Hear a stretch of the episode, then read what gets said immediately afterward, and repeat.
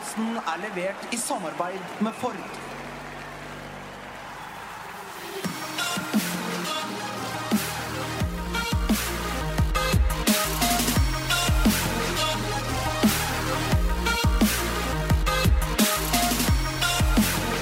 Manchester United vinner, men eh, liten glede. Manchester City vinner med masse glede. Roy Hodgson viser kanskje at de gamle er eldst. Filming, den blir vi ikke kvitt.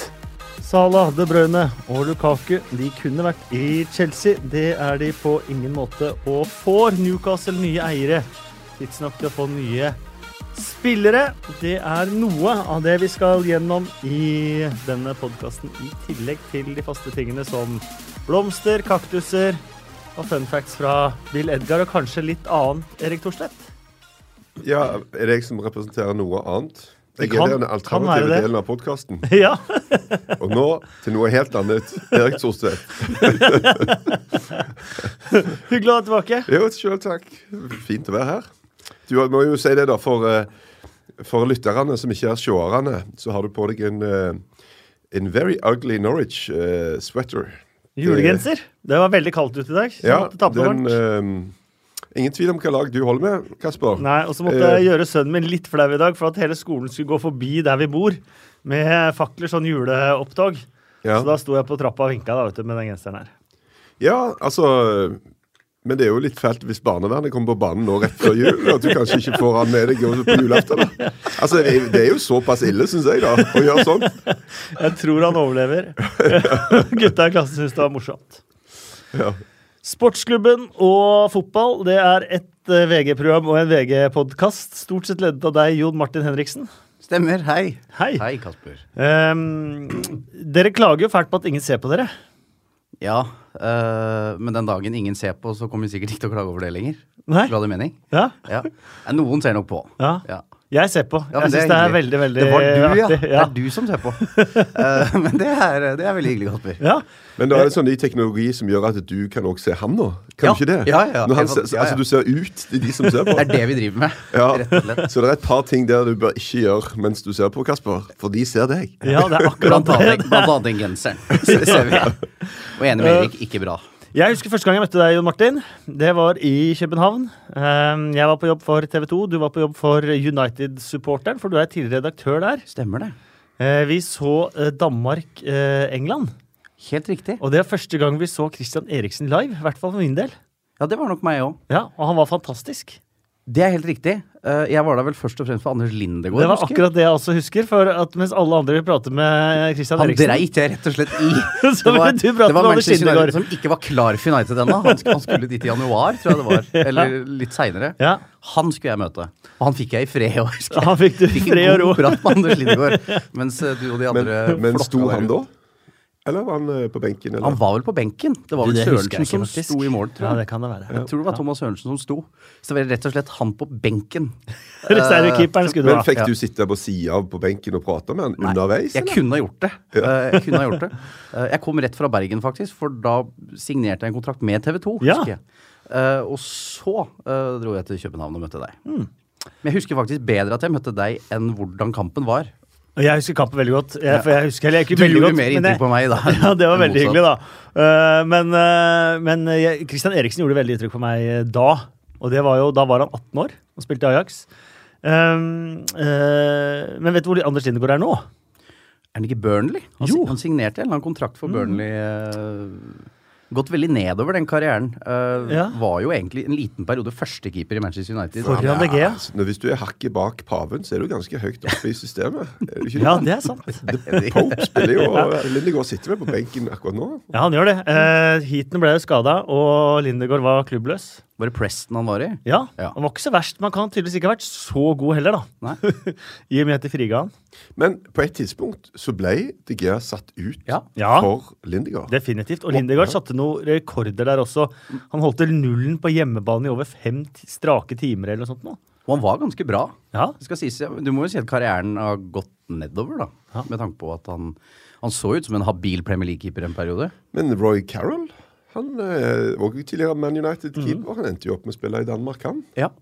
Odense? Ja. Var det det? Noe sånt. ja. Eller, eller var han ikke i uh, Jo, det var kanskje Odense. Ja, jeg husker ikke Nå. helt. Ja. Ja. Det Eh, der med fakta, altså. det der med Men fakta spilte de mot Man United i Europa en gang? Eller? Er det jeg som tar feil her? Ja, det kan Jo, stemme. du er Men kan han ha stått for Midtjylland da? Var det ikke de som spilte på Manchester Jo, men United? Har hatt begge to, mener. Ah. jeg. det har vært noen danske lag. Nå var vi ganske langt ut på siden, men nå er vi jo godt inne på Manchester United-praten. da. Um, de vinner. Um, de tapte mot Manchester City, åpenbart. Um, så har de vunnet de to siste etter det, men det er vanskelig å finne noe glede i det de holder på med. Ja, men jeg tror den blir forsterka av at Manchester City er så gode. At eh, hvis du på en måte ser litt realisme i Manchester United som klubb, da, så forsvant jo den vinnerkulturen sann med et lite knips eh, etter at Alex Ferguson dro. Og hvis du ser på sluttplassering på tabellen de siste åra etter han, så er jo det rundt seks-sju i snitt. Uh, nå er de videre i Champions League, uh, ligger på andreplass, og normalt sett så hadde vel United ligget bak med et sted mellom fire og seks poeng, kanskje, i motsetning til det de gjør nå, fordi Manchester City er jo helt perverst gode. uh, så er, jeg er litt delt. Jeg syns ikke det er veldig interessant å se på, men samtidig så uh, føler jeg at de tar steg, da. At de er nærmere enn de har vært på, på ganske mange år. Men Jesse Lingard han fikk spørsmål eh, kan dere fortsatt vinne ligaen. Ja. Uh, Det må ja, han jo si. Ja, men så fulgte han opp med Men da må vi vinne resten av kampene. Nei, men Det der er litt sånn, det er faktisk ganske interessant, det greiene der. altså, For at du kan ikke gjøre mer enn å konsentrere deg om deg sjøl. Og det konkurrerer mot et lag som egentlig akkurat nå er litt sånn fra en annen planet, er jo nesten umulig. Du kan ikke sammenligne med det. Og gå inn og, og helt enig med deg i forhold til at du må se på ja, men hvordan er sesongen vår, da? Og Sesongen til Man United er jo faktisk veldig bra. Så, men det er selvfølgelig supervanskelig for fansen å, å, å se det når det er noen fra samme by, da. Ikke det at de, til, altså, at de er i samme liga, men til og med fra liksom, omtrent samme gata. Som eh, dominerer og spiller så fantastisk, og alle bare hyller de så sykt. Da havner du i skyggen. Sånn er det bare. Og det er klart at For Mourinho er det der et uh, kjempeutfordring, altså. For Men- Hvordan skal han takle det? Skal han skryte? Skal han uh, uh, skal han prøve å snakke seg vekk fra at de faktisk tapte ganske fortjent mot City. og prøve å fokusere på noe annet. Og nei, det var straffe og masse andre greier. Disse avledningsoppleggene som han prøver på. Fordi det er veldig vondt for han og for fansen å ha City som et bedre fotballag. Men, men dreier ikke dette også mye om ikke om resultatene og poengene, for det er vi enige om, det er ikke så aller verst. Men et Manchester United som drev frykten ut av samtlige lag i 30 år på Old Trafford, som bare kvelte og malte lag i stykker på alle mulige måter i 30 år. Og så kommer de nå, og så ser de nesten ut som Huddersfield eller Brighton på hjemmebane når de møter store lag. Ja, men sånn er det ikke lenger. Al altså, man, den perioden kommer aldri igjen. Uh, de årene der med de trofeene kom aldri tilbake. Og så tror jeg realismen har truffet ganske mange etter å ha stått på tribunen med David Moyes og, og Louis van Gaal. Så er det jo betraktelig bedre nå. Men ville, men ville ikke supporter vært mer fornøyd hvis de gikk ut som Liverpool, da? Mot eh, Manchester City. Og tapt flere kamper, og hell- lenge lenger bak på Nei, men tabellen. mot, mot Manchester City, da. Og heller tapt med tre mål enn en, å, enn å forsvare seg mot Men- Er ikke det litt ydmykende å forsvare her, seg Ja, men- mot ja, eh, byrivalen Ja, på ja, men- hjemmebane men når du er Manchester en ting, United? En ting du vet når du ansetter Mourinho, du vet i hvert fall hva du får. Altså, og du får akkurat dette her. Hvis det er feiende flott eh, stormer på fotball du skal ha, så må du ta en annen, da. Men hvis du er interessert i pokaler og trofeer, som han allerede har henta to av, så tar du Tre, ifølge Mourinho. Ja, ja, Og spillerne. Han har bare dunka det inn i Men, men jeg er helt enig. Altså, jeg jeg syns jo at det Når et lag som ikke har tapt på 40 kamper på hjemmebane, og har en kjempesesong, og skal møte City, rivalen, som de ligger mange poeng bak, og, og de viser så liten selvtillit Og eh, altså, i første omgang så bare poler er langt. Og jeg har ingenting imot å spille langt. Det er helt OK hvis du har en bra plan rundt det å spille langt. Men det virker ikke som de hadde det. For det første så må du sikte på et eller annet der framme. Og det var det ikke alltid de gjorde. De bare fikk han fram. Og to, hvis du skulle treffe et eller annet der framme med rød trøye, Lukaku, så må jo han greie å vinne noen av de ballene, og det gjorde han jo ikke. Og tre, hvis det er noe som ramler ned etter dueller, da, så må det være noen der for å plukke det opp. Og det var det jo ikke. Og det er det som er litt sånn skremmende, syns jeg. at eh, Kan godt spille kynisk, godt spille sånn, men det bør i hvert fall se ut som det kan funke. Og, og hvis du skal basere det på, på kontringer, ja, men hvor var de kontringene, da? Altså, Det er en plan som bare overhodet ikke fungerte. Så, så det, og det syns jeg er ganske rart, da, du, som jeg sier, du, at du legger opp til det òg, når du tross alt har vært så bra. Du, du, liksom, du har ikke tapt hjemme på år og dag. Og så går du ut på og sier at ok, hvis vi skal prøve å spille pasningsfotball her, hvis vi skal prøve å spille pasninger fram til det andre målet, så er vi sjanseløse. Det går ikke. Jeg ganske, syns jeg er litt skremmende, så mye penger som blir brukt. oss.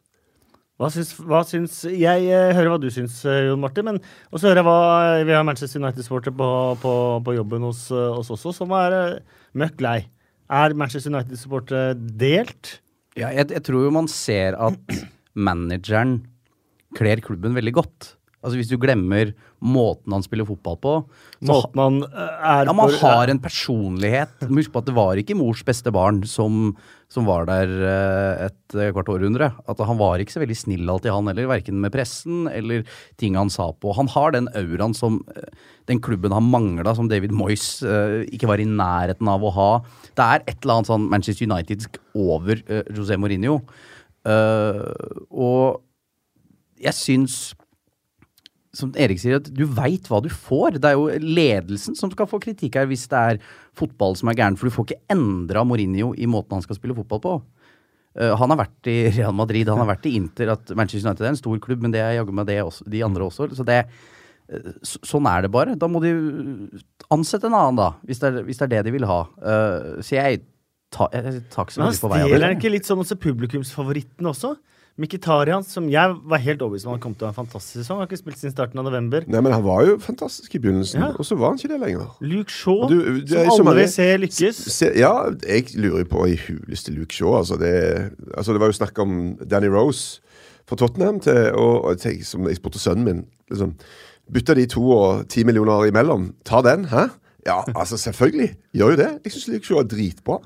Men bare liksom, det du sier, at du føler at uh, Mourinho og Man United kler hverandre. Men du skal òg være klar over at Mourinho til nå har vært on his best behavior. Det kommer ting her, altså. Bare ja, ja. vent. Det kommer til å smelle. Og det du kan si hva du vil om Ferguson, at han var en bully på mange måter, men han hadde likevel noen prinsipper, da. Mm. Han sto for et eller annet som var litt sånn arbeiderklasse. Du skulle ikke jukse. Altså, du skulle ikke Altså, Ole Gunnar, som jo ble en helt når han eh, sprang 100 meter og meia ned han der fyren Tok Rob Lee, ja. ja. Han fikk jo beskjed av Føgesen etterpå sånt gjør vi ikke Manchester United. Og Du står for et eller annet, da. Og der, De grensene føler jeg ikke at Mourinho har. Han er villig til å gjøre hva som helst. Og, og hvis dette City-prosjektet fortsetter å dundre på så kommer det til å gnage så mye i sjelen på den Mourinho-fyren at han kommer til å gjøre et eller annet spinnhakkende galt. Det tror jeg. Og det spørs om det kler Man United like bra da, når det skjer. Ja, for det kommer til å komme. Du veit at det kommer til å klikke foran. En finger i øyet på Mikkel Arteta. Ja, ja, for eksempel. uh, men jeg Uten at vi skal ta den lange debatten og gå ut av det igjen, men uh, jeg er mer opptatt av hvor dårlig egentlig klubben er skikka på toppen rent sportslig. Altså, Plutselig tar du David Moyes, og så skal du ha van Gaal, og så skal du ha Mourinho, og alle blir kasta penger etter. Og de van Gaal brukte to milliarder på, vil jo ikke Mourinho bruke, og så kommer en ny manager snart. Det er jo ikke noe tråd. De bare gir en haug med penger til en manager. Uh, og, og, plukk og hent hvem du vil. Uh, og da blir jo den der, som van Gaal var veldig opptatt av, ikke balanse i stallen. ikke sant? Uh, så jeg savner egentlig en mer en rød tråd på hvordan Manchester United skal spille fotball, hvordan man skal fremstå på toppen, enn hvem som faktisk er manager. Uh, for Ed Woodward er jo en strålende businessmann, men han er jo ikke noen fotballmann, eller footballman, som jeg elsker å si i England. Uh, så Og i et Manchester Derby her, med Paul Pogba ute f.eks., Andre Herrera er jo ikke god nok. Så skal United Jeg tror nesten Mourinho sier dere må slå langt for i midten her, så, så, er du rett og slett ikke god nok til å spille, spille City. Helt til slutt om Manchester United. Uh, hvorfor feirer ikke Lukaku uh, målene sine? Uh, Mourinho hadde to teorier. enten så er det fordi han ikke fordi han er så glad i Best Bromwich etter den sesongen han hadde på lån. eller så er det fordi han tar etter meg. I så fall så er det jo skummelt hvis spillerne begynner å ta etter han og skal være sure hver gang de skårer mål. Ja, men tror du ikke det er at Hvorfor spiller ikke Mkhitarian? Hvorfor spiller ikke Luke Shaw? De er ikke 100% med han. At jeg tror Mourinho har et sånn vanvittig krav om at enten så er du med meg, eller så er du mot meg. Og er du mot meg, så spiller du ikke. Og det har gått hende de sitter der da før en match og scorer, og så jubler du ikke. Jeg, jeg tipper det. For han er jo syk. Ja. Så det, ja. Jeg tror det går litt på at på min personlige teori at det går på kritikk. da. At han har fått så mye Han føler han får mye urettferdig kritikk. Og da liksom da bare vis, demonstrerer han litt, da. Når han scorer ved å bare ikke juble. Altså. Marius Grastveit på Twitter. eh, Det føles nesten litt urettferdig å gå fra Manchester United til Manchester City sånn som eh, det er nå, men det skapte litt diskusjon eh, da eh, Simen Stamse Møller i Premier League-studio lekte med tanken å se Rashford under Guardiola, og at han mente at Rashford kanskje ville utvikle seg mer under eh, Pep Guardiola. Eh, det, det skapte noen følelser, eh, følelser der, men det, det er lett å se hvor Simen kommer fra her, med tanke på eh, Sånn som jeg ser det, så Guardiola har, har gjort veldig mange av spillerne sine bedre. Eh, Mourinho kjøper gode spillere, setter det inn i et system som gjør laget kanskje godt uten å nødvendigvis utvikle enkeltspillerne bedre. Ja, det, altså, det er jo forskjellen, eh, sånn som jeg ser det. det. Pep Guardiola driver jo et prosjekt. Han driver et utviklingsprosjekt. Mens Mourinho er veldig fokusert på resultater. Her er det resultatene å vinne neste kamp og vinne trofeer som betyr noe. Så, så jeg tror Pep Guardiola er mer opptatt av at vi har lov til å feile. da. Vi har lov til å gjøre ting som ikke nødvendigvis går bra, men det fører til et eller annet uh, på sikt. Og så er det jo et eller annet, De gjør jo et eller annet med spillerne. da. Det er at du føler at du lærer mer. Jeg husker så Fabian Delf. Han sa jo at i løpet av, Og han mente det. I løpet av de tre første ukene Da må vi spole tilbake til når Guardiola kom. Med Guardiola så lærte han mer enn han har gjort resten av karrieren sin. Altså, Og nå spiller han venstre back, liksom. Så jeg tror eh, kan si, Hva er motivasjon, da? Hva er det som driver spillere? Men det å, å få lov til å være med og, og være en del av noe som du føler er et er i utvikling. Et eller annet som hele veien blir bedre, og du får lov til å være med på noe som faktisk er fantastisk. Det, var, lov det handler jo litt om fotballglede, da. Når du er ute på det, altså, Vi tenker det er kaldt, kynisk, Premier League, rå, tøff verden og sånne ting, men det er jo gøy å spille fotball. Å få lov til å være med på noe som spiller så bra fotball, og så lykkes med så mye. Og få lov til å juble så mye som de gjør. Det er jo helt strålende. Så jeg tror veldig på det der greiene der. At du har en filosofi som du skal utvikle, og at folk kjøper den og syns det er superstas å være med på det prosjektet. Sånn virker det. Og så, liksom, så mange ting. da, Du har det rent taktiske, du har måten folk samhandler på.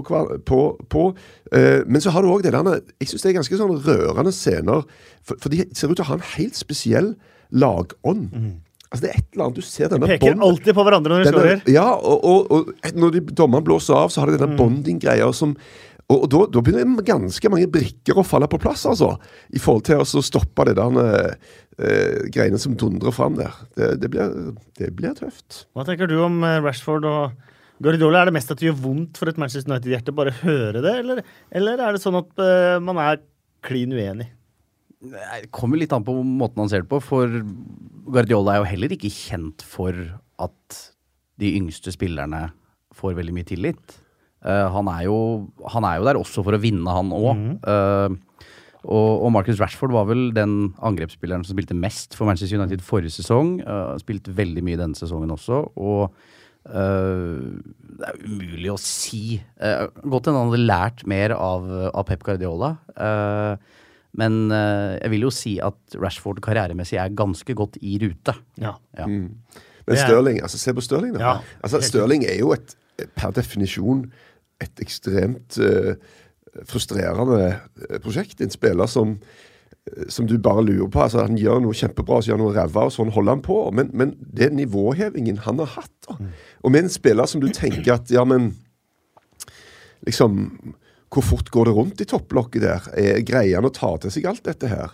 Er han fotballintelligent nok? Ja, han er det. Han er, jeg leste faktisk en sånn artikkel som, som, bare, som, som var en Stirling Hyllest-artikkel, og det finnes det mange av, men som gikk gjennom hvordan han egentlig hadde greid å finne av ut av veldig mange ulike typer posisjoner, mange måter å spille på, og at han nå var er jo bare helt, helt Ja, det er, sykt god. se se det samme med John Stones òg. Hakkekylling hele forrige sesong. Men å kommentere Manchester City onsite var utrolig interessant sånn sett. For nesten hvert stopp i spillet så måtte han løpe bort til Guardiola. eh, få noen pointers eh, underveis, og så ut og spille igjen.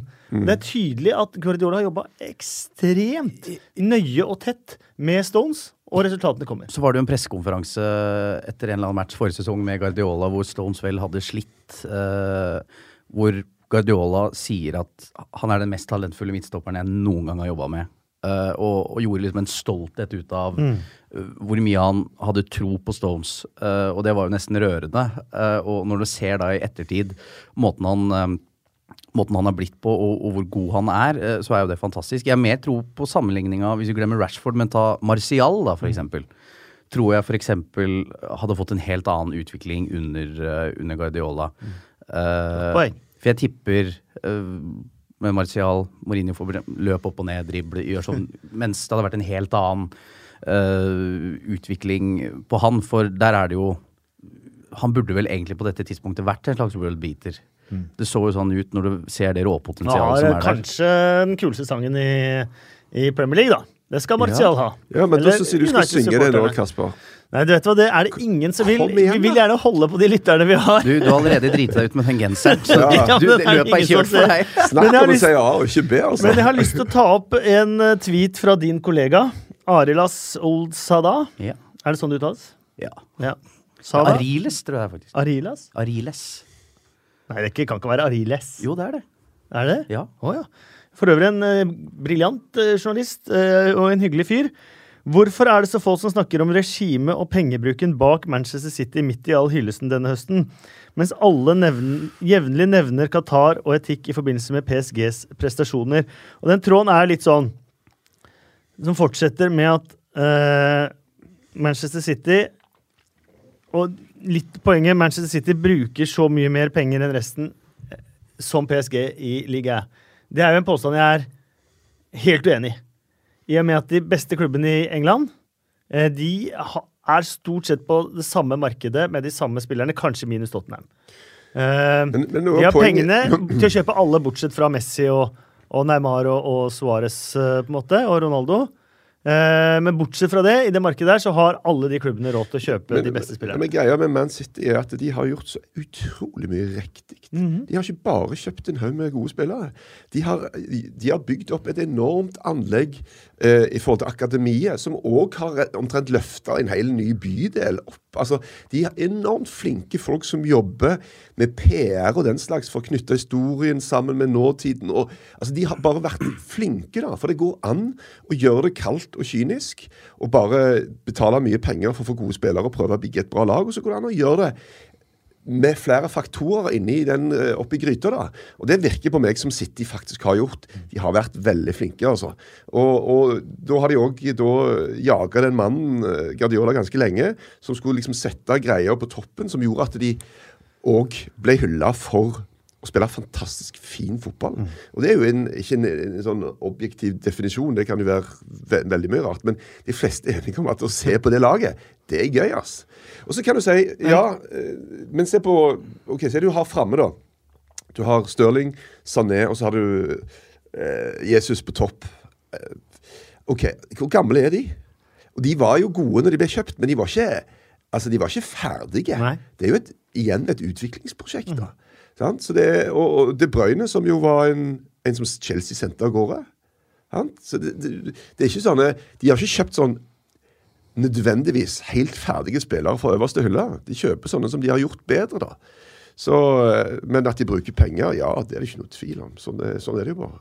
Men etikken der kan jeg også være, være enig i. Der pengene kommer fra. Det er ikke det mest moralske at vi skal ta hele den eh, diskusjonen der med qatarske penger og, og, og, og den, eh, den delen, eh, delen der. Men eh, 4-1 mot eh, Tottenham eh, Ja, jo, det var én ting til i forlengelsen av det. Når Conte klager over at Manchester City har kjøpt seg til suksess, eh, hvor på sin egen urimelighet faller det på skalaen? Ja, den voldsomt. Eh, og det er det derre forferdelige uttrykket kjøpeklubb, eller kjøpelag, sånn som jeg er veldig lei av at folk bruker, men for det er hele gjengen. Altså punktum. Uh, og bare i forlengelsen av det Erik sier, at Manchester City har kommet for å bli. Altså Det må ingen tvile på. Måten de har bygd opp i Manchester, det ungdomsakademi, det, det, det anlegget der er rett og slett helt fantastisk. Eh, De har vært flinke til å ha de gamle heltene i og rundt klubben fortsatt. Eh, Brian Kidd er i støtteapparatet. Har overlevd alle managere, han. Han er med uansett, og det tror jeg er viktig sånn for å at eh, for et, det er sikkert ganske mange Manchester City-fans som hadde foretrukket at de ikke hadde fått de penga. At de bare var sånn som de var før, for det var deres klubb. Uh, så mens PSG går og henter Neymar på en sånn ekkel måte, så, så drives Manchester City fornuftig. De har De vil bygge et imperium. Uh, og det ser det ut til å få til. Uh, så derfor så blir det mindre kvalmt, på en måte, enn det du ser i Paris. Men med Conte så Det henger jo ikke på greip. men han var jo ikke der da, ikke sant? I, i, i, i starten med Abramovic. Men, men, men, men, sa han det òg, da? Jeg tenker sånn, OK. Ja, det, det er jo selvfølgelig blodvinkla. Ja, den er blodvinkla. For jeg leste òg en annen kontegreie. Ja, Manchester City Manchester City har hatt flaks. Det var en sånn kontoverskrift. Så går du inn og ser hva sier han egentlig, da. Han skryter jo av de spiller fantastisk fotball, men de har også skåra en del eh, veldig seine mål. Mm. Eh, så der har de jo hatt litt flaks. Men så, så jeg tror, Han har sagt at de har kjøpt seg til suksess. Han sutra over at de har kjøpt seg til suksess. Det var jo det han gjorde, gjorde litt nå. Så sa han det altså litt at nå, ja. nei, men, nei, men så sa, la han også du er så tabloid, du, Kasper. Ja, selvfølgelig er jeg tabloid. Det er jo jobb, jobben min å være tabloid og finne de gode tabloide vinklingene. Men han sa jo også det at uh, vi må være med i kampen om van Dijk, fordi at Manchester City kan ikke få alle de beste spillerne. Jeg trodde det var Liverpool. Jeg. Men nå er det mange. uh, så ha Ja, men Han eh, sitter jo på benken i Southampton. Hvor bra kan han være? Men, uh, det, men det du var innom, Jon Martin, var på den by klubbbygginga. Det virker som de nå i flere år har bare lagt til rette for at Guardiola skulle komme. Først ansatte de den sportslige ledelsen i Barcelona, bygget ut. Jeg så en eh, apropos tabloid eh, konspirasjonsteori, at eh, De Brønes naturlige klubbvalg nesten han var i Wolfsburg, ville vært Bayern München. Eh, men at en liten hvisk i øret fra Pep, ta til Manchester City, så får jeg ha når jeg kommer dit. Det er jo ikke, det er jo ikke umulig, det. Uh, men de driver altså så godt, Manchester City, at de største, noen av de største Manchester United-navnene har altså sønnene sine hos Manchester City. Altså De velger altså at sønnene går heller dit enn i United, og det sier litt om uh, United, da, som er kjent med Class of 92, kjent for å produsere gode fotballspillere. De foretrekker nå Manchester City. Uh, og det forteller en hel del om, om måten de drifter på. Og, for det er jo Chelsea og Man City som er best på, på, på utvikling, og det er et viktig aspekt ved dette her. Men de, de bygger jo òg et verdensomspennende herredømme med disse, alle disse klubbene sine. Og det er klart at der er det en greie med Girona, er det vel, som de har i Spania, og som bror til Pep da inne, som er agent, og eier en del av, og Manchester City er en del av. Så det er klart at det er litt sånne greier som at begge brødrene til Eden Hazard har jo vært innom eh, Chelsea. Det har de ikke nødvendigvis vært for å spille fotball. De kjøpte jo han siste nå, som er godt, eh, godt over 20 år. da. Han er ikke del av ungdomsakademiet, han er ikke del av A-stallen, så hvor han er og hva han gjør, det vet jeg faktisk ikke. Eh, jeg trodde ikke han var blitt lånt ut heller. Så, så de gjør det de kan på mange felt for å holde de aller største stjernene og, og folka happy. Eh, og det involverer faktisk eh, en god del ganger eh, familieforhold. Altså. Eh, vi må ta to ord om eh, Tottenham der, eh, Torstvedt. Din gamle klubb. De var et nummer for små, rett og slett, mot City. Og la en liten sånn nasty edge til seg selv også i kampen de tapte 1-4. Harry Kanes eh, takling, Dele Alli sin, var grisete, altså. Ja, men det er jo intensitet. De fyker ut fra blokken og prøver å kjøre et sånn superhardt, tøft press. Og, og det er klart at da, da skjer det ting. Eh, og eh, jeg tror ikke de Altså, Dommeren får dømme. Hvis det går over streken, så får han blåse. Får han gi gult eller rødt. Og, så eh, eh, jeg tror ikke det ligger noen eh, ondskap bak det. Det er bare rett og slett et ønske om å vinne denne sabla kampen. Men det er klart at City er et bedre lag. og Tottenham skal få jobbe hardt for å bli topp fire. Men det, vi hadde vel en sånn tipping eh, på 100 timers sending før sesong. Jeg hadde Tottenham på femteplass. Eh, Spiller på Wembley og altså, De spilte to uavgjort og vant resten hjemme sist. Det er sånn Manchester City-tall, det. Og Det kunne de ikke greie å repetere. Så det blir en tøff sesong, og det må vi bare akseptere. Tottenham er med oppi der, og det er så mange sesonger. De har ligget midt på, og knapt nok det, at dette er good times anyway, altså. De er videre i Champions League etter å ha vunnet alle kampene, bortsett fra én der de spilte uavgjort, borte mot Real Madrid.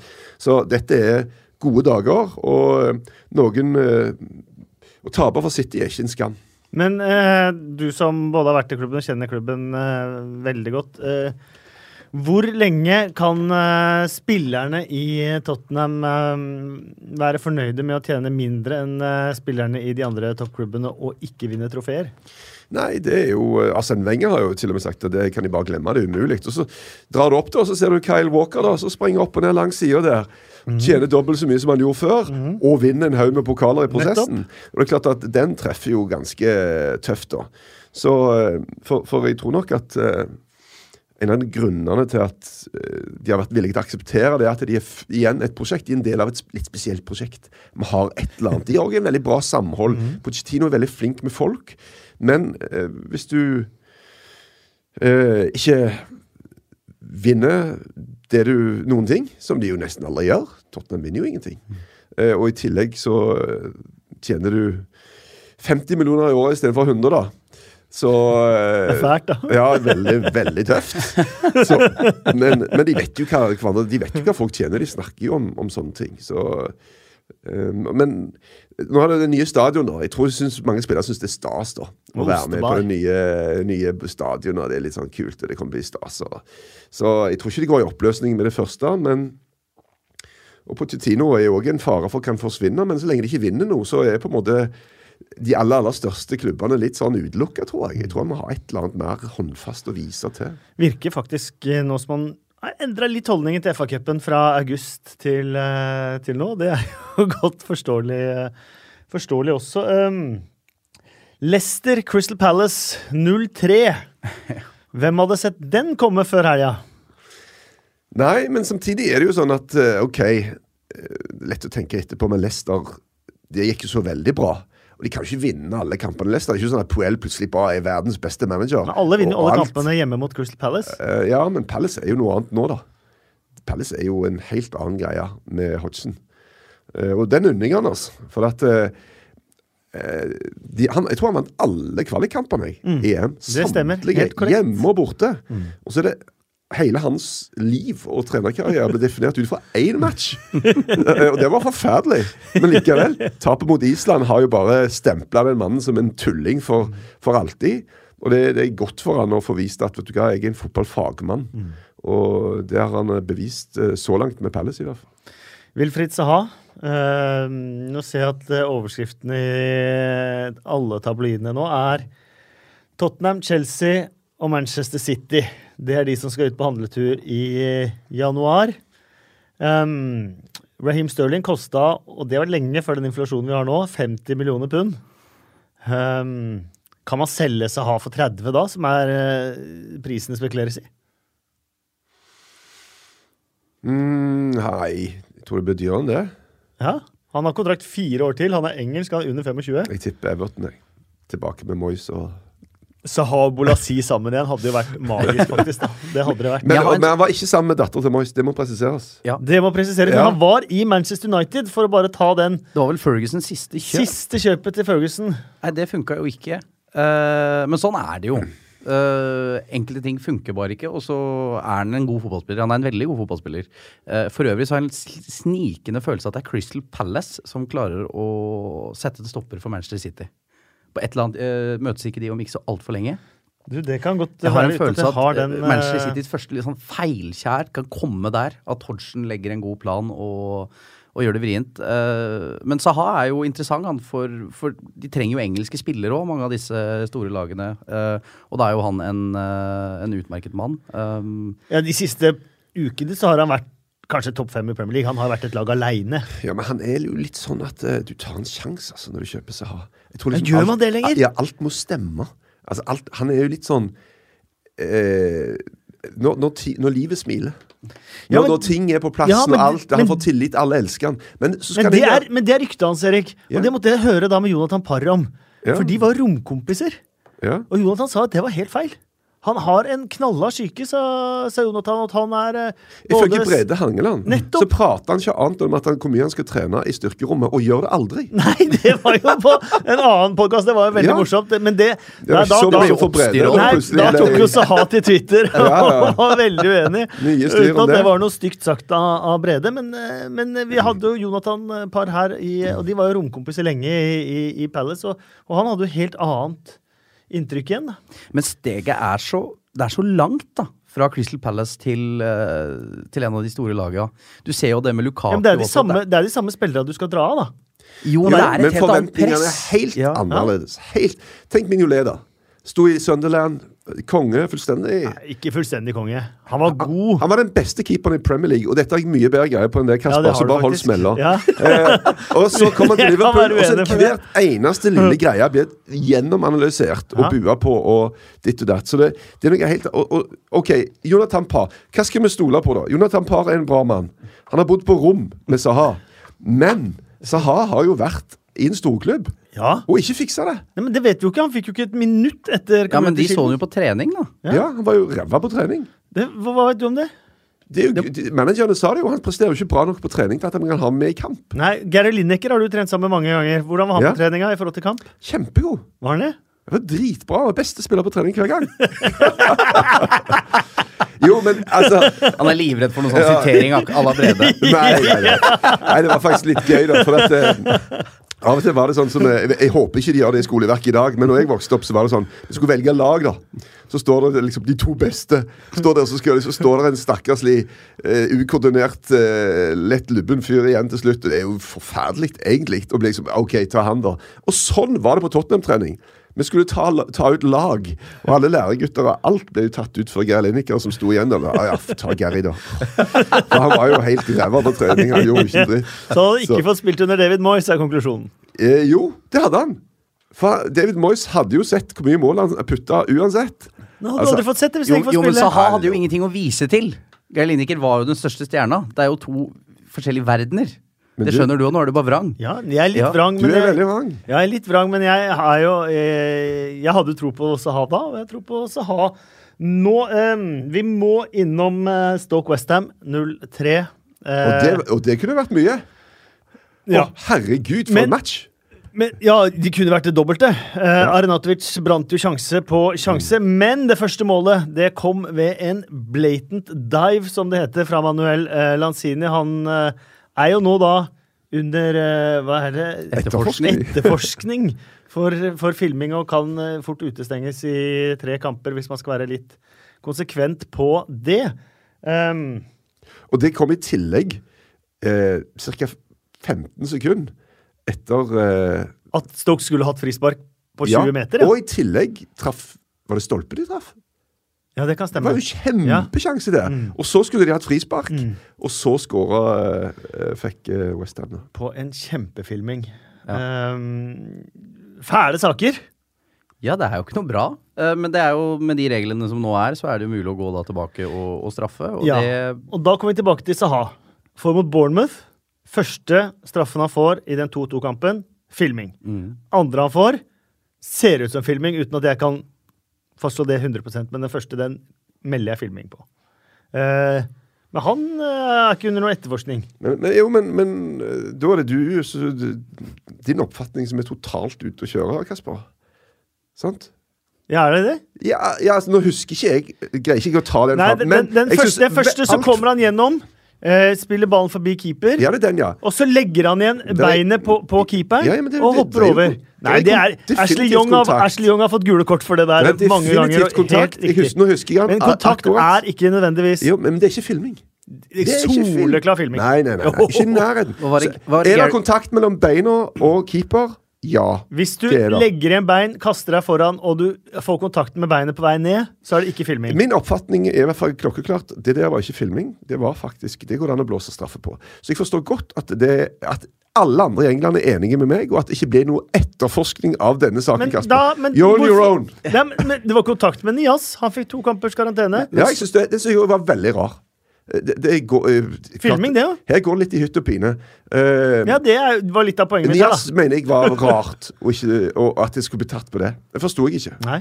Jeg tror det går litt på uh, Nasjonalitet, Ja, rett og slett. Ja, for å si og det det rett var ut. litt mitt poeng med Ja, ja. Husker Ratchford, som hadde en, den sykeste mot Swansea, tror jeg. Altså, det er en av de verste. Ja. Og liksom, nei, nei. Altså, dette var jo forrige sesong, da. Så det var jo før eh, Den var forferdelig. Ja, han var det. Og så var det ikke så mye snakk om det. Hadde det vært en, en utenlandsk spiller, så er jeg sikker på det har vært mye mer, mer bråk rundt akkurat den situasjonen. Men Gary Neville har vel hatt den beste TV-analysen jeg noen gang har sett. Det var i forbindelse med da Ashley Young var på sitt verste, eh, og en gang i uka fikk uh, billig straffespark. Um, hvor Gary Neville si, tar en lang analyse om dette her, og sier da Dive, yes. Penalty, yes.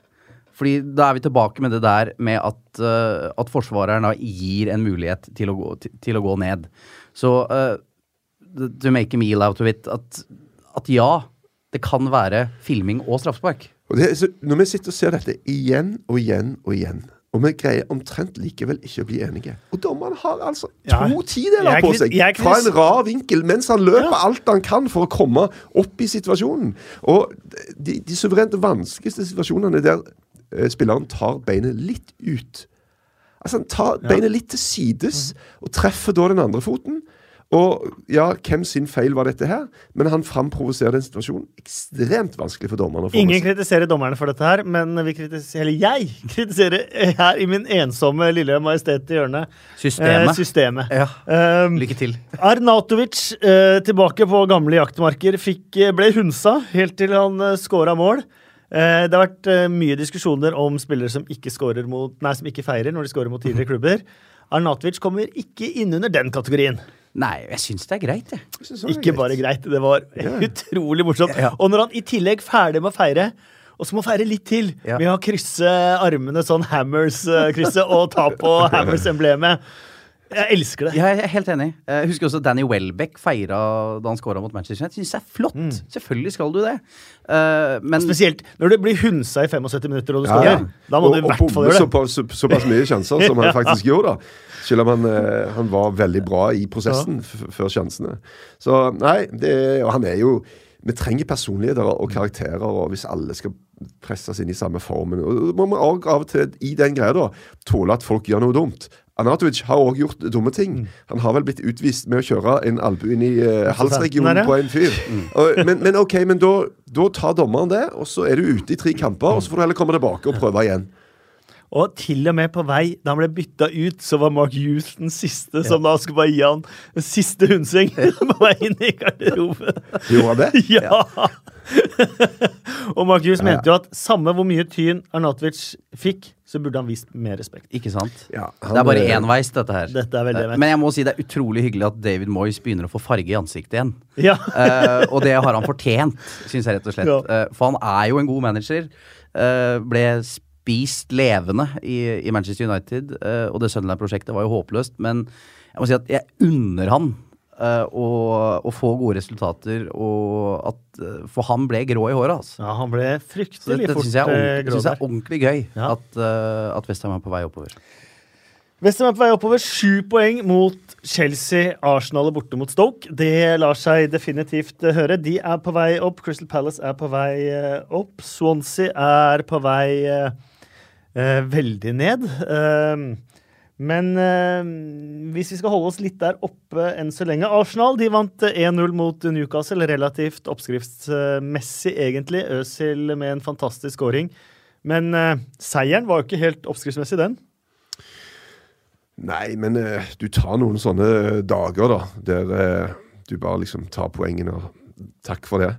Jeg leste en greie om noen som mente at Arsenal spiller ikke så fantastisk fotball lenger. Um, at det er liksom, de har blitt en sånn myte som henger igjen med Arsenal, men ikke egentlig stemmer. Men det er klart at uh, selv om de tapte, så spilte de jo fantastisk fotball mot Man United. Så de kan jo. Sant? Det er jo, eh, Potensialet er jo i laget. Men det er klart at folk blir kanskje også litt sånn bortskjemte med alle de der possession-greiene deres og måten de holder på. Og når de ikke får se det, så tenker de at ja, dette var jo ikke så stas. Men alle lag må ta noen sånne Drit i hvordan det så ut, vi bare tar de poengene, og så henger vi med sånn halvveis i, i topp fire. Det er en uh, artig, uh, eller fin, uh, konto på, på Twitter som heter Arsblog, uh, Arsenal-fan, som hadde en avstemning hvem ville du helst hatt på laget? Skadet Aguero eller Alexis Sanchez i dagens form? Altså, jeg tror de sitter og forbanner seg over at de ikke sa aksepterte det budet i, Ja. i august. Eh, for Mesut Özil ser du jo har den profesjonaliteten at han er med. Men det er ikke Sanchez, altså. Han Ja, er men, ikke var med. det, men var det noen de mente var i den kategorien, så var det jo Sanchez. Ja, For han gir alltid alt uansett. Alt, alt, vi spiller alt! Ja, ja. Ligacup! Men du vet at han har ikke engang VM til sommeren. Nei, han har ikke. Sant? Første- Øzil har jo i hvert fall det at han liksom Han skal henge med, han skal spille VM og kanskje bli verdensmester igjen.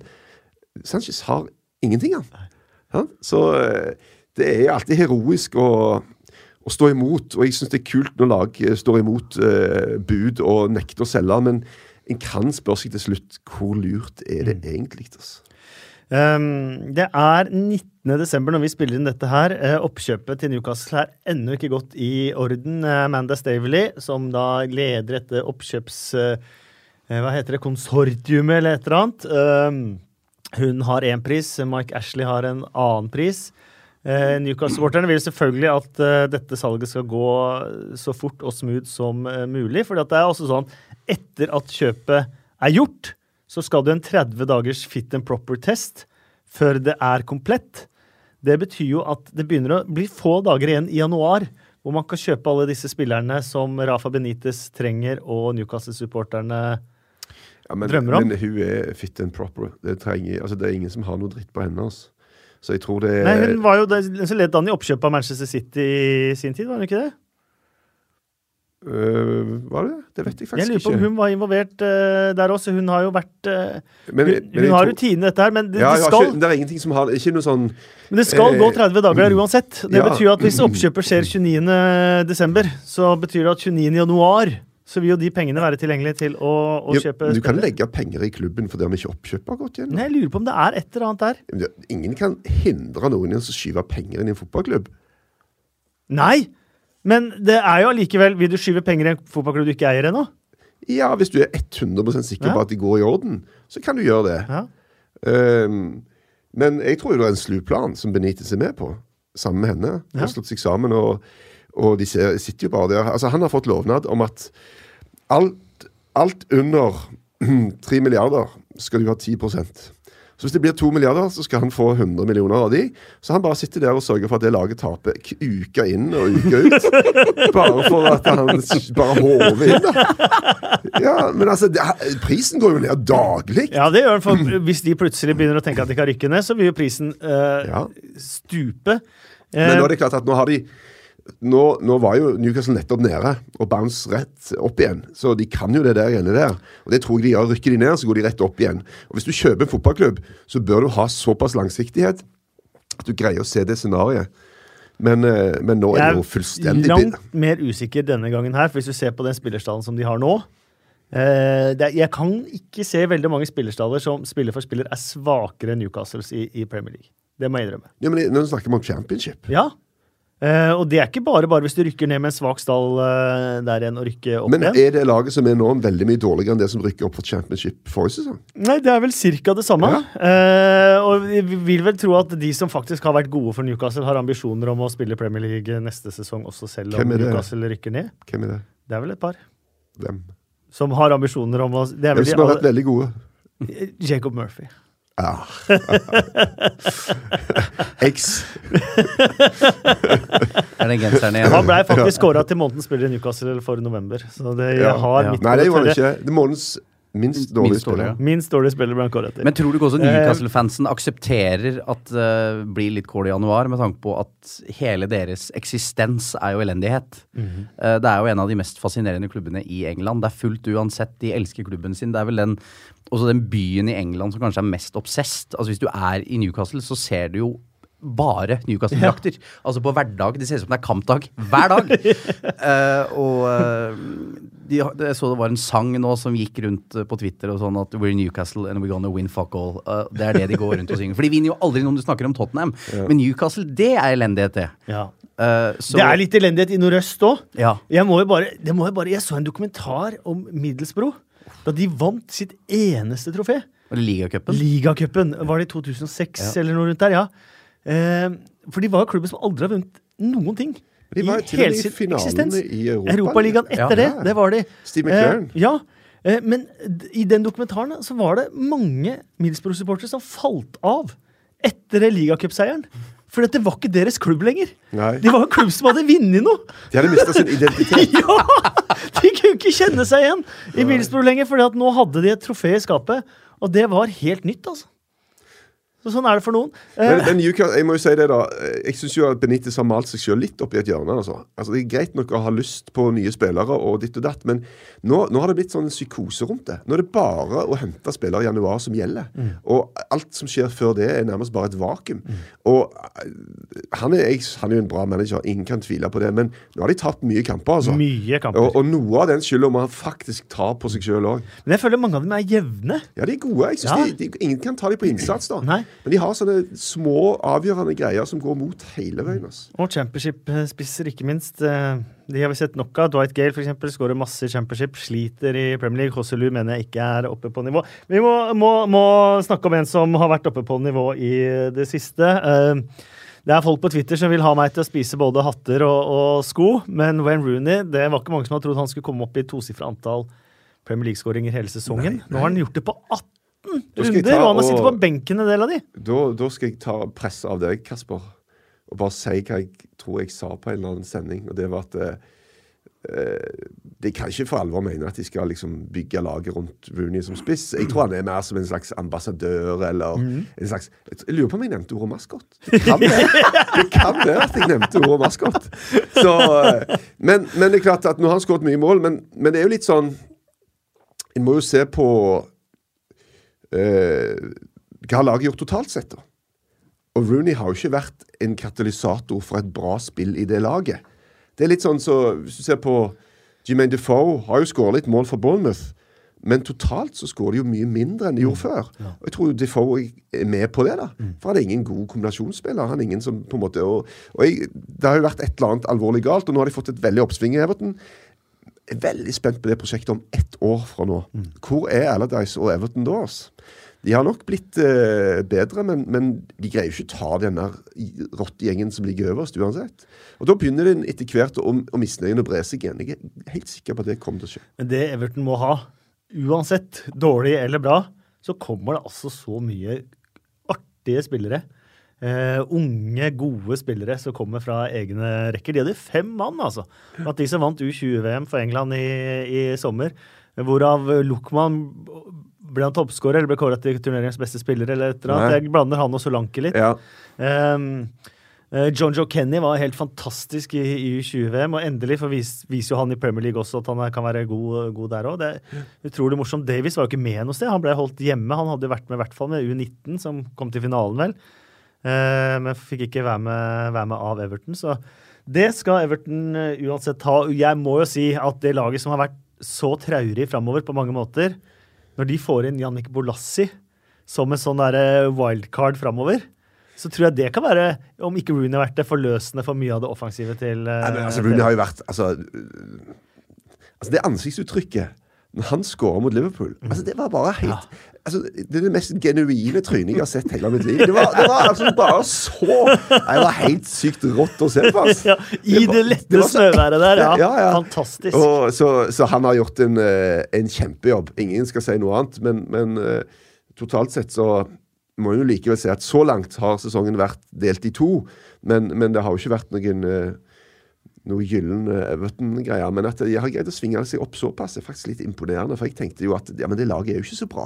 Men nå har de vært ganske gode. altså. Og sannsynligvis en perfekt manager også, tipper jeg for Wayne Rooney i, på det stadiet han Ja. er i karrieren. Tipper Sam Aradise er helt perfekt. Uh, og, og det ser man jo. Jeg, bare for å melde meg på, jeg, jeg tvitra noe sånt som at jeg syns det er helt sjukt at Everton henter Wayne Rooney.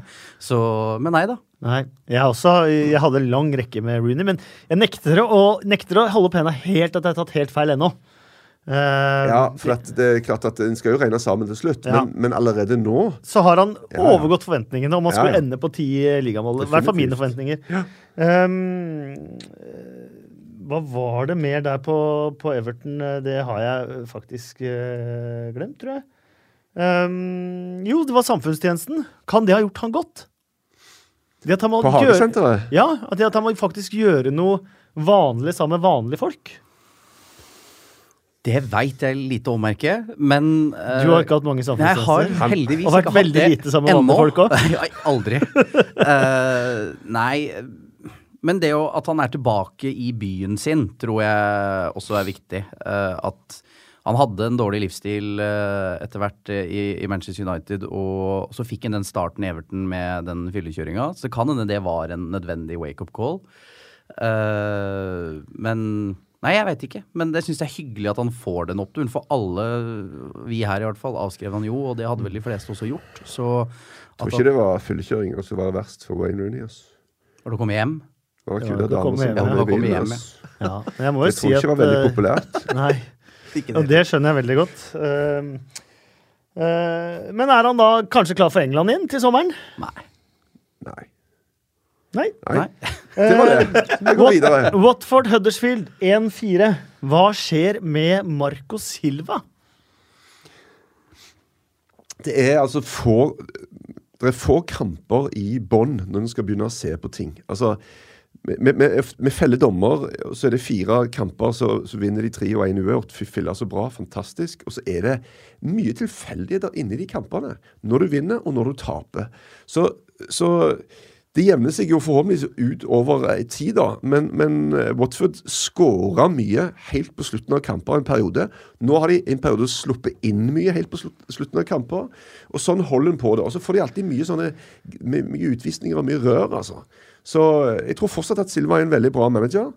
Men øh, øh, Men kan det ha skjedd noe der da han eh, på en måte prøvde å Bli Everton-manager. Eh, uten å si at han ville bli det? Kan det ha skjedd noe i, i spillergruppa, spillergruppa da?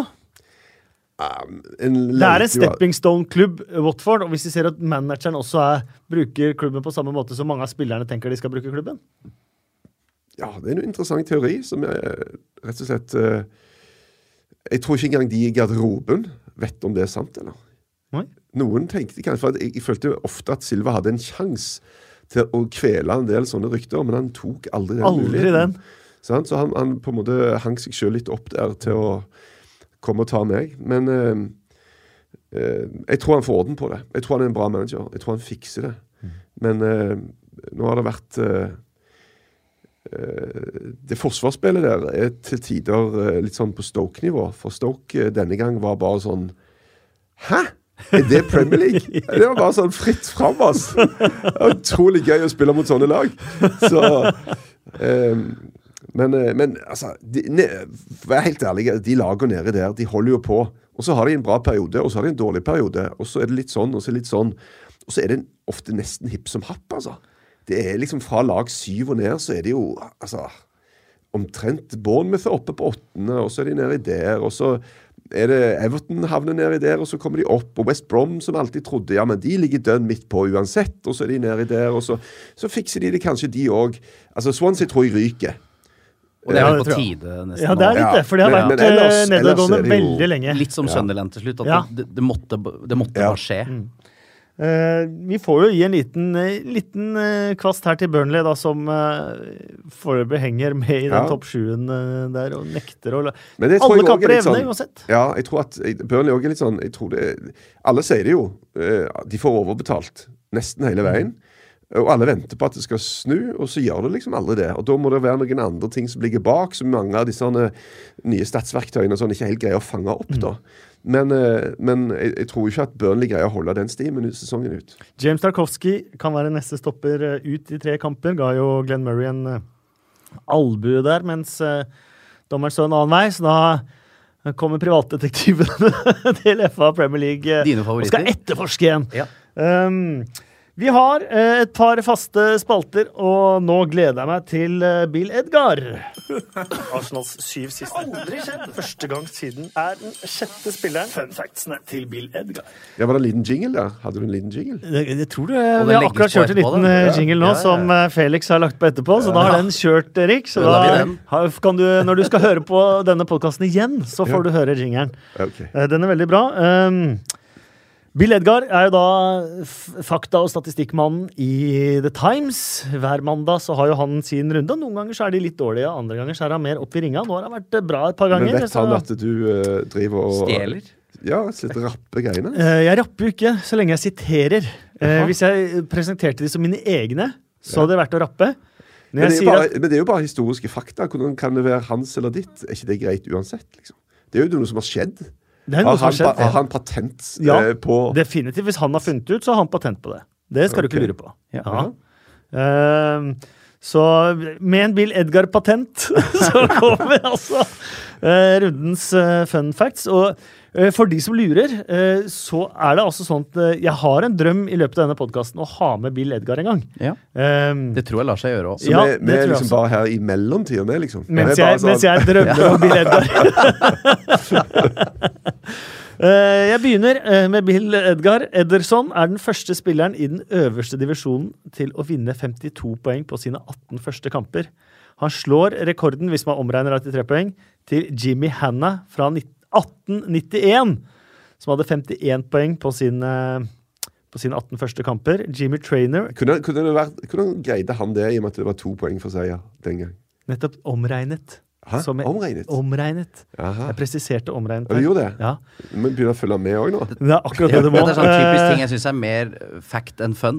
Eh, ja, Ja. eh, men Ja. når du Jimmy Hanna, le legende i Sunderland 1891-92. Jimmy Trainer for Presten i den aller første sesongen i, med ligafotball i 1888-89.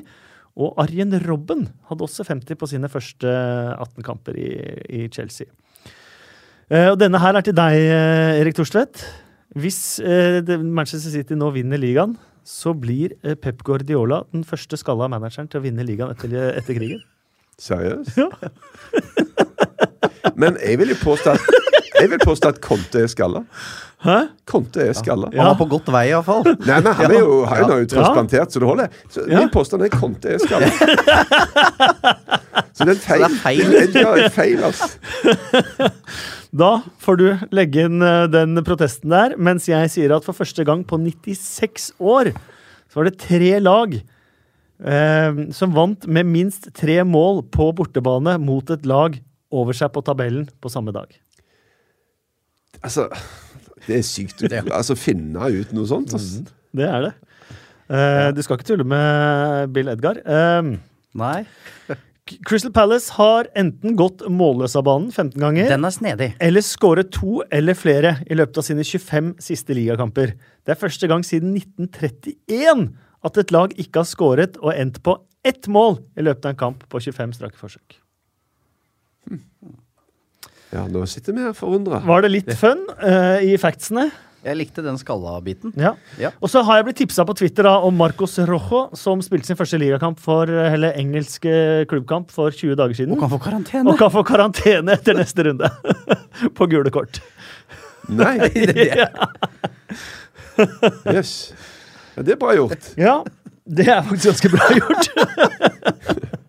Han er sugen på litt juleferie, han. Han er det. Ja. For det var vanlig på din tid. Man ordna seg en karantene til romjula. Nei, det er en myte, altså. Det er en myte, ja. Ja, altså, ikke alle vil spille. Folk setter seg ikke frivillig på på Ikke siden, én ja. kamp når du har to-tre kamper i romjula og første nyttårsdag der og sånt. Og ikke én kamp du tenker ah, deilig å ta sammen med familien og, og litt uh, Christmas pudding. Men min gode venn og kollega Bernt Hulsker har vært veldig åpen på at han i sin karriere ofte drev med dette. Ja, det viser seg at eh, det er fotballspillere, og så har du Hulsker, da. Um, vi skal til neste faste spalte. Det var moro å se på. Morata var kjempegod. Hva i all verden? Det er det. Han snakka ikke om seg sjæl, han snakka om dommeren. Og den Nå kommer eh, jingle igjen, Erik. Det jeg tror det kommer jingle igjen. Og, og, og denne, denne spalten her er det jo eh, Ford Fiesta eh, som skal eh, dele ut. Oi, altså, det er sponsa av Ford Fiesta. Vi eh, har denne podkasten i samarbeid med Ford Fiesta. Eh, Får du betalt i forhold til hvor mange ganger du sier Ford Fiesta? Eh, si det en gang til. Ford Fiesta? Bra! Nå, Da blir det julegaver. Men eh, da rundens blomster fra Ford Fiesta. Eh, har dere noen gode forslag til hvor de skal sende blomstene fra denne runden?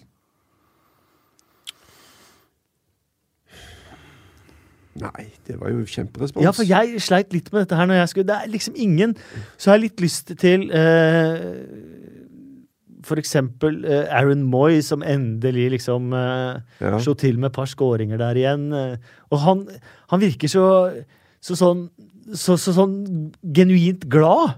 Men ikke liksom helt at han tør å slippe seg løs på hvor glad han blir når han, eh, når han scorer. Eller er det Paul Clemmen fordi han trenger en oppmuntring? Eh, Det er jo helt sant. At Ja. han, eh, Ja. han kunne fordel- Eller Wilfried Bonny, som Ja. fikk spille i Stakkar. 90 sekunder i, i, i går før han måtte av med skade uten at noen var nær han. Ja. Men uh, første gang med sånt, så Mark Hughes han trenger virkelig òg en uh, oppmuntring. Men han vet ikke sjøl. Nei. Det er det. Han, han dreiv ikke businessen han Erik sa, og han, var den ene, han eh, kjente spillergruppa alt så godt at han skulle ikke få sparken. Han har vel sagt noe sånt før også i Var det QPR, etter at uh, Sergio Aguero skåra dette Ja. målet?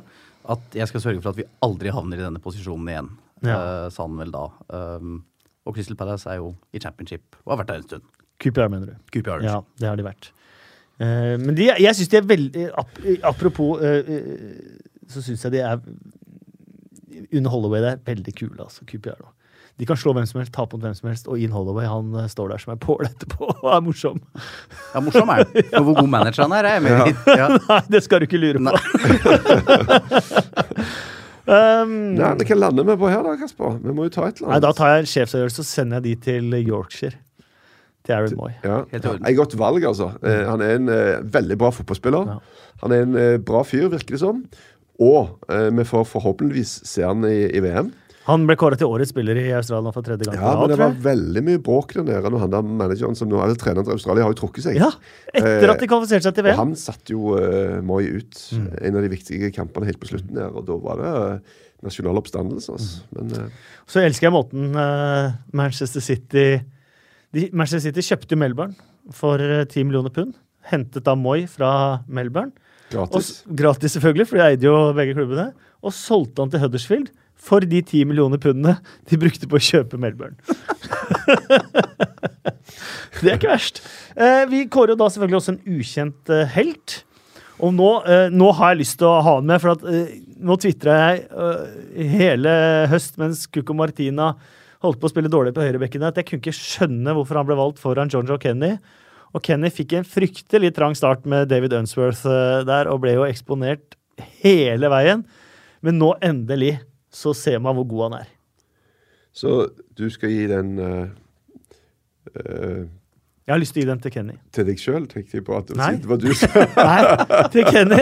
Nei, nei, det var ikke det du tenkte. Jo, nei, for jeg, jeg, jeg så da han debuterte Han fikk vel én omgang mot Swansea forrige Ja, ja. sesong, og syntes så så god ut. Og så så jeg han i U20-VM, og jeg syns han var helt fantastisk. Og så syns jeg Jeg blir så glad når han gjør det bra, på, bra nå. Men eh, du tenker ikke på Coco Martina? Hvor, lei han blir seg? Nei, men Han har jo gjort det helt greit på venstrebekken nå, så han er fornøyd, han. Ja, Da Ja. er vi alle happy. Mm. Liksom, vin, vin, vin, dere, er det en ukjent helt dere har Ja. bitt dere merke i? Som ikke får overskriftene, men som uh, kanskje fortjener en liten oppmuntring i hverdagen? Som burde anerkjennes. Spør du vanskelig, Kasper. Ja, nettopp. Så da, Jeg- Kona mi er en hverdagshelt, vi, så jeg velger å gi det henne. ja, da gir vi til Jojo Kenny. Og det er det Eh, gøy jul. Rundens øyeblikk. Eh, det kan jo ikke være noe annet enn uh, Arnatovic når han scorer, feirer og krysser armene. Kan det det? Ok, Det kaller jeg ikke et åpent spørsmål. Ja, det det, ja, det ja. synes jeg var et veldig bra åpent spørsmål, Kasper.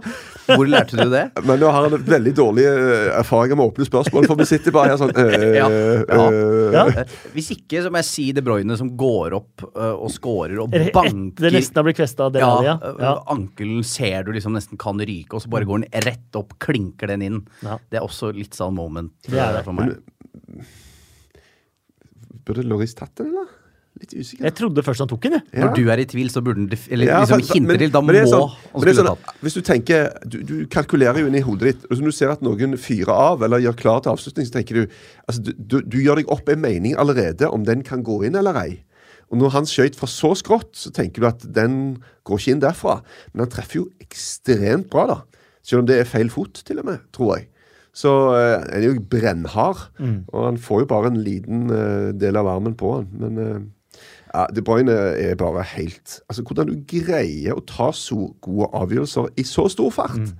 Altså, for det, det er det som har ofte preget mange av disse med enorm hastighet, og de kommer susende. Men de greier jo ikke å tenke og, og, og gjøre gode ting i den farten, da. Men, men City har vært Han, Stirling, Sané, de tar gode avgjørelser og gjør bra ting likevel. Altså. Da får dere den. Rundens øyeblikk til eh, Kevin De Bruyne. Og da eh, eh, bringer det meg til uh, neste punkt som jeg lovte i innledningen her. Eh, Mohammed Salah, Kevin De Bruyne, Romelu Lukaku. 30 Premier League-mål denne sesongen. Chelsea har 32 totalt. Eh, hva skjedde der? Nei, er det ikke bare sånn fotballen er? At det er en Det er vel Mourinho som er skyldig i eh, De Bruyne og Lukaku, i hvert fall. Mhm. Eh, det funka ikke da, og så er vi tilbake til det med prosjekt igjen. Mourinho skal være der og få suksess. var ikke Salah også Ja, vel under kanskje eh. Mourinho? Uh, han skal ha instant success, han skal vinne trofeer. De er ikke med meg akkurat nå. Ha det. Nei, det, er liksom det jeg tenkte med, med både De Bruyne og Salah, var at du ser jo at de er bra. Du ser jo at dette her eh, At det er gode spillere. Salah var bare litt sånn Han har uflaks i noen veldig veldig viktige situasjoner, der han var alene og skulle bare putte, og så skjøt ut utfor. Og det har han gjort for Liverpool i år ja, òg. ja, ja. Så øh, Nei eh, Men det er liksom, de har, av og til så har de kanskje for mye ressurser, da. De har, det er for lett å sende de av gårde og kjøpe en annen istedenfor. Og da bommer du. Da går du på sånne smeller som det der. altså. Men hvor mye er de tre verdt til sammen nå i dagens marked, da? Jeg tror Lukaku har vel nesten falt i verdi, Ja. vil jeg påstå. Var det 75 millioner pund, og så kan det komme opp i 100. Uh, mens Salah kosta bare 35. Mhm. Det er et bargain, 200, altså. 212 millioner pund til sammen. De tre? Ja. Bare 212? Jeg synes det nesten er for lite. Ja, det synes Du- jeg du høres lite ut også. Jo, men de har jo de har sånn videresalgsklausul. Nei, det er ganske utrolig eh, Uansett, dere vet hva som var Salahs siste kamp for Chelsea? Det var cuptapet på Stamford Bridge mot Bradford. Oi. Og der spilte John? Steds store kamp. Jeg tror faktisk han spilte fra start. Ja. Ehm, til slutt så skal vi jo gi ut uh, rundens kaktus. Jeg har igjen en kandidat, men for ikke stille noen ledende spørsmål her nå, skal kanskje dere kan komme med deres kandidater først. Mark Hughes? Han får kaktus. Det er i trøbbel, altså. Godt forslag det, altså. Men igjen skal han få altså, kaktus fordi at han har et ræva lag? Ja. For at han har gjort et briljant lag ræva. men det spørsmålet om han trenger Ja, ja, men, men Mark Hughes Jeg vet ikke om han, om han bare prøver å beskytte laget sitt og seg sjøl, men han virker som han stikker hodet litt i sanden her, altså. Aha. For han, han, Vi hadde jo en match her der han ble intervjua før kamp og mente laget var virkelig god, bra på selvtillit, og, og så får du de der eh, gule, grønne og, og røde stolpene opp, som viser hvordan det har gått de siste kampene. da. Ja. Så hadde de liksom tapt fire på rad, og hadde de vunnet én, da. Og mente at yeah, we're in a really good spot at the moment. Og... Så Nei, han, Men det er jo naturlov. Han kommer til å ryke. han kommer til å ryke. Ja, ja. Eh, min kandidat, da, bare for å bare skutte Er det da Tony Pulis tilbake til Stoke? Nei, ikke kandidat til managerjobben, men til kaktusen. Ja, ok. Ja, Det er Wilfrid Ndidi, som klarer å bli utvist på sin egen 21-årsdag for filming. Det er jo godt jobba, det.